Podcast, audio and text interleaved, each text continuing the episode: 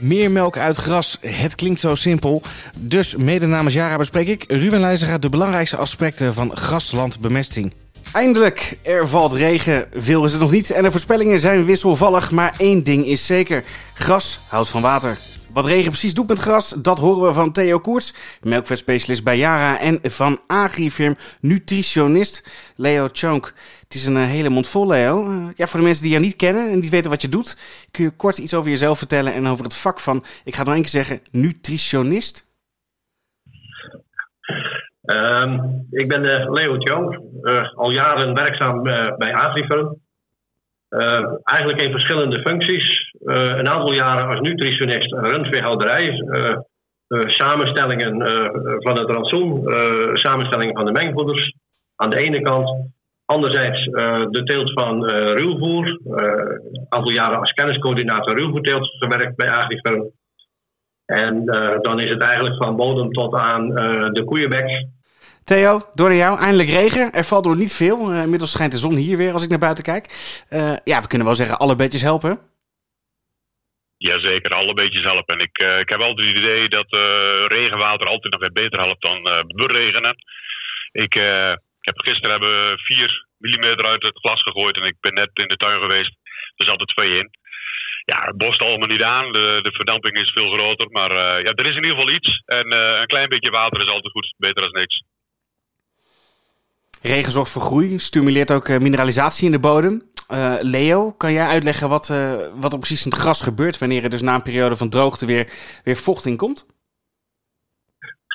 Um, als de, de, plant vocht opneemt, dan zeker na een periode van droogte, dan zuigt die plant zich allereerst vol met vocht. Het droogstofgehalte van het gras was afgelopen weken lag dat op een 20, 25 procent, waar het normaal zo rond de 15 tot 17 procent is. Dus de plant zuigt zich vol.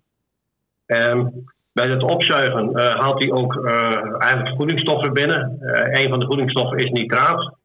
en dan is het afhankelijk van hoeveel nitraat er in de bodem aanwezig is. Ehm, maar dan neemt hij dus extra stikstof op. Wat je dan ziet in je kwaliteit van gras, dat het suikergehalte wat zal dalen. We hebben donker weer, wat warmere nachten, waardoor het suikergehalte daalt. Dat was ook heel hoog de afgelopen tijd. Dat zat zo rond de 200 gram suikers per kilo.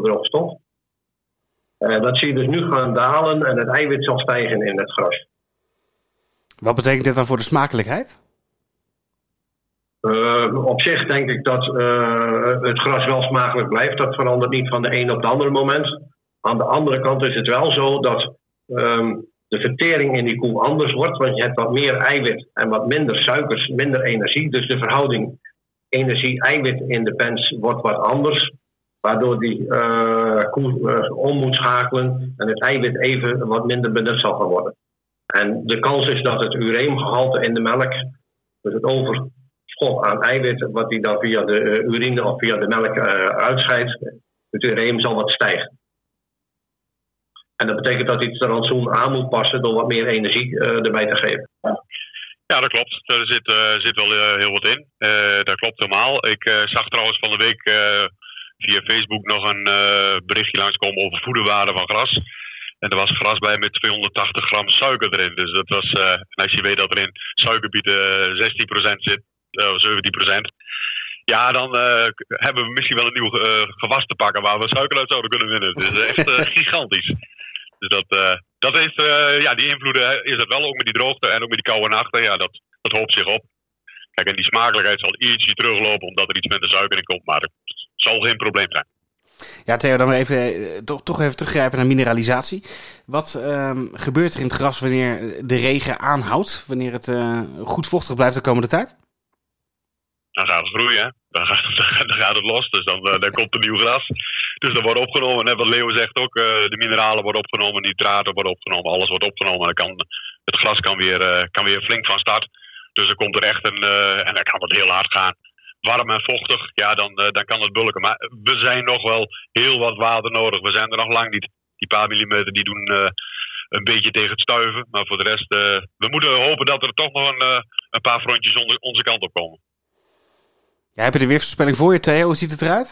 Volgens mij is het heel wisselvallig, toch? Ja, Het lijkt wisselvallig, maar volgens mij niet meer dan dat we vandaag en gisteren hebben gehad. Dus het zijn iedere keer frontjes die overtrekken. Dus dat lage drukgebied wat daar uh, bij Zuid-Engeland ligt, dat stuurt iedere keer wel een, uh, een beetje water af. Maar het, uh, het valt nog niet mee. Wat er gevallen is, is wel wat regionaal. ik heb wat collega's in het land en dan zie je dat er in het zuiden van het land al een millimeter of 8 à 10 gevallen is. We melden hier nog eigenlijk nauwelijks op 4 of 5 millimeter zitten. Dus er zit wel wat verschil in. Maar met deze hoeveelheden uh, verwacht ik niet dat die mineralisatie in de bodem heel snel op gang komt. Als het wel behoorlijke hoeveelheid dus, naar, naar 15, 20 mm toe gaat, uh, dan zul je enerzijds zien dat het gewas heel veel water opneemt en tegelijkertijd dat die mineralisatie in de bodem op gang komt. En dat is even een spannend moment. Want ehm, er staat nogal wat bladmassa. Uh, dus je zonnepanelen om te gaan groeien, uh, die zijn aanwezig als dan ook die, uh, die zon gaat groeien of gaat schijnen.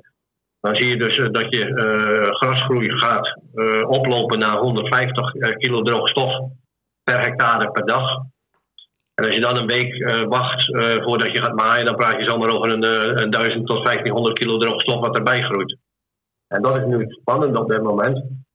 Um, als het weer uh, donker blijft en het, er valt zo nu en dan wel een buitje regen, dan moet je op een gegeven moment besluiten van ga ik wel inkuilen of niet inkuilen en hoeveel staat er dan. En als het dan in deze periode is eh, met weinig neerslag, dan kun je nog wel een keer tussen de buien door wat wagen. Maar heb je echt een uh, flinke periode met regen, dan moet je gewoon wachten om het gewas droog te krijgen. Theo, als we kijken naar de richting, uh, als we kijken naar de tweede snede, hè, daar gaan we naartoe. Um, heb jij daar nog iets aan toe te voegen in het kader van bemesting? Nou, ik, uh, ik heb al de nodige mensen ook al wel zien inkuilen. En uh, als er ingekuild is en er is bijvoorbeeld twee ton droge stof, of zelfs nog op sommige plaatsen iets minder geoogst is, hou wel rekening mee dat er nog zat in de bodem zit. En dat is ook niet uitgespoeld. Dus ook met de bemesting richting tweede snede, hou daar rekening mee. Uh, een goed hulpmiddel uh, heb ik al eens vaker gemeld, is onze Gras app. Dus in ieder geval uh, ook, die houdt goed in de gaten hoe het met de mineralisatie zit. die houdt ook rekening met de neerslag die er geweest is. Dus daar kun je in ieder geval een ruggensteuntje aan hebben. Dus dat zijn in ieder geval de dingen waar je op kunt letten. Maar in ieder geval houd goed rekening mee van heb ik bemest voor 3 ton of 3,5 ton. en je hebt 2 ton geoogst. Ja, hou daar in ieder geval rekening mee met de bemesting voor de tweede snede. Wel houden we wel rekening mee met zwavel voor de tweede snede, dat is belangrijk. En natuurlijk uh, selenium uh, voor gezonde koeien. Uh, zeggen wij ook altijd dat dat zeker meenemen. Want dat zijn toch over het algemeen. waarschijnlijk wordt die tweede snede nog wat groter.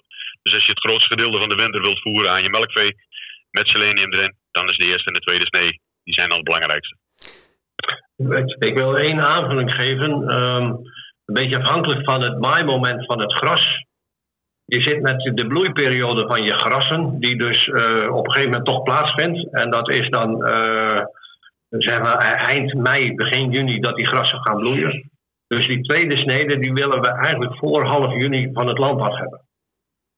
Um, en als die eerste snede wat uitgesteld wordt, dan betekent dat dat die tweede snede toch uh, begin juni, half juni geoogst moet worden. Dan heb je hele lichte sneden, maar dan maai je eigenlijk de bloei eruit om ervoor te zorgen dat je wel een prima kwaliteit uh, gas in je kuil hebt. En niet zakt naar een voederwaarde van 800 gram.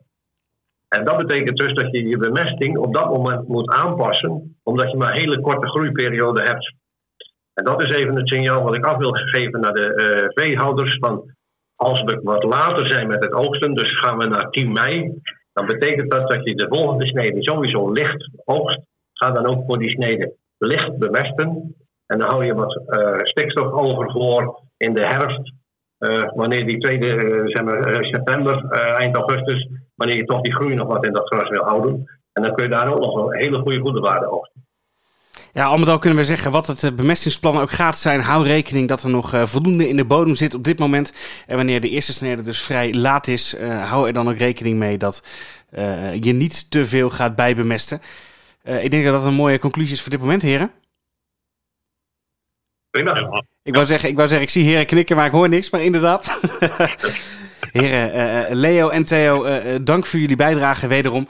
En voor u als luisteraar, wilt u nou ook ja, meer melk uit gras? Neem dan ook eens een kijkje voor wat extra advies op de website van Yara. Dat is natuurlijk Yara met een y, www.yara.nl.